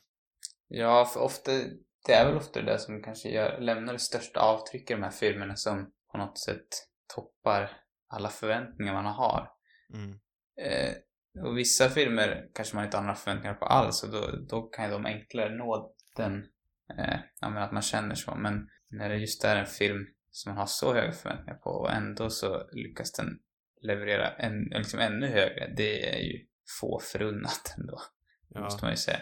Ja, det är ju också spännande liksom, för varje eh, generation kan vi kanske säga har ju en egen, en egen filmvåg. Årtionde kan man kanske säga. Mm. Eh, jag tror många skulle hoppa på att eh, vi lever i en ny blockbusterfilmvåg, men jag, jag skulle ändå säga att det är en jag, jag tror det, det har redan börjat benämnas den nya koreanska filmen och vi får ju se om framtiden kommer fortsätta se den så, eller om den kommer, eller om den retrospektivt kommer få ett nytt namn. Men som det ser ut nu heter den den nya koreanska filmen och det är så otroligt spännande att, att leva igenom den. På 90-talet hade man ju Sundance Kidsen, man såg liksom den amerikanska indie, indie-scenen växte fram. Mm. Eh, men vi har ju den nya koreanska filmen och det är ju, jag tycker inte det är en överdrift att säga att det är de, den, liksom, den starkaste landsknutna filmrösten vi har just nu.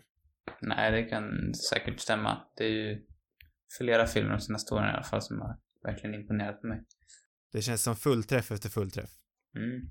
Eh, men vi kan väl kanske rulla in på Marriage Story som vi har, vi har ju faktiskt ägnat en hel podd åt den, så vi ska inte vara allt för långdragen. What I love about Nicole, she is a mother who plays, really plays.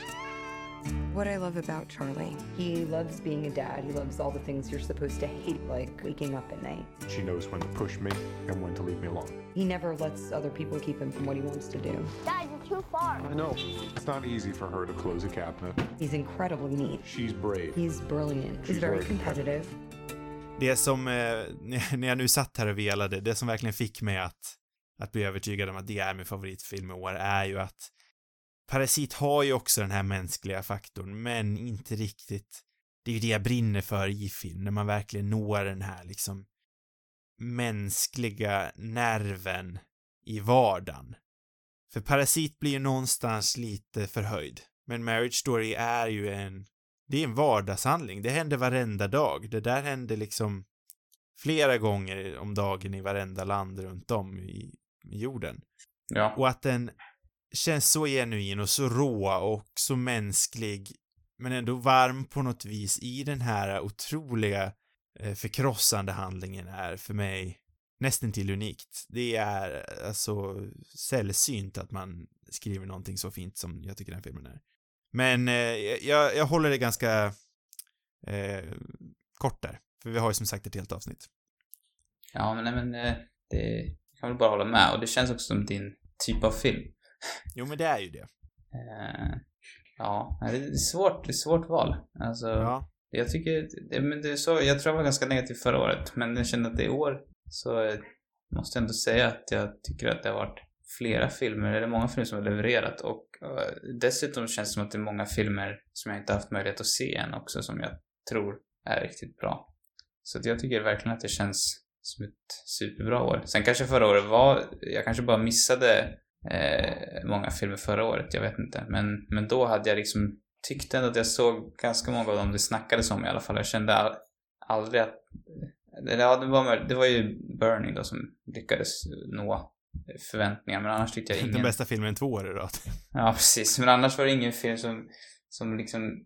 De var ju bra, men det var ingen som, som toppade mina förväntningar. Eller som inte riktigt... De nådde liksom inte riktigt upp till de höga förhoppningarna jag hade. Nej, eh, jag tyckte ju det här var ett rätt så, det här var nog sämsta filmåret på länge för mig faktiskt. Kan vara att jag missade många av de bästa, eh, för det är nog ett av de åren jag har sett på minst filmer också, tyvärr. Eh, men eh, de filmerna som var bra var ju riktigt bra och det brukar oftast finnas några. Mm. Och 2020, det kan vi säga redan nu att det kommer vi prata om nästa vecka. Då ska vi gå igenom de filmerna vi eh, ser fram emot mest helt enkelt. Det kommer bli ett sånt här, eh, ja, ett år då vi förutspår det framtida filmåret. Ja. Eh, med det sagt så släpper vi äntligen 2019 och det förra årtiondet och ger oss in i det nya på riktigt nu en vecka in. Eh, så vi tackar för oss. Eh, flera avsnitt hittar ni på cinemarubus.com, eh, Spotify, Apple Podcasts eller i era vanliga poddappar. Har ni frågor och vill ha svar så skickar ni in dem till cinemarubus.gmail.com och sociala medier, det har vi också. Där hittar vi Cinemarubus på Instagram och Twitter. God natt allihopa. God natt.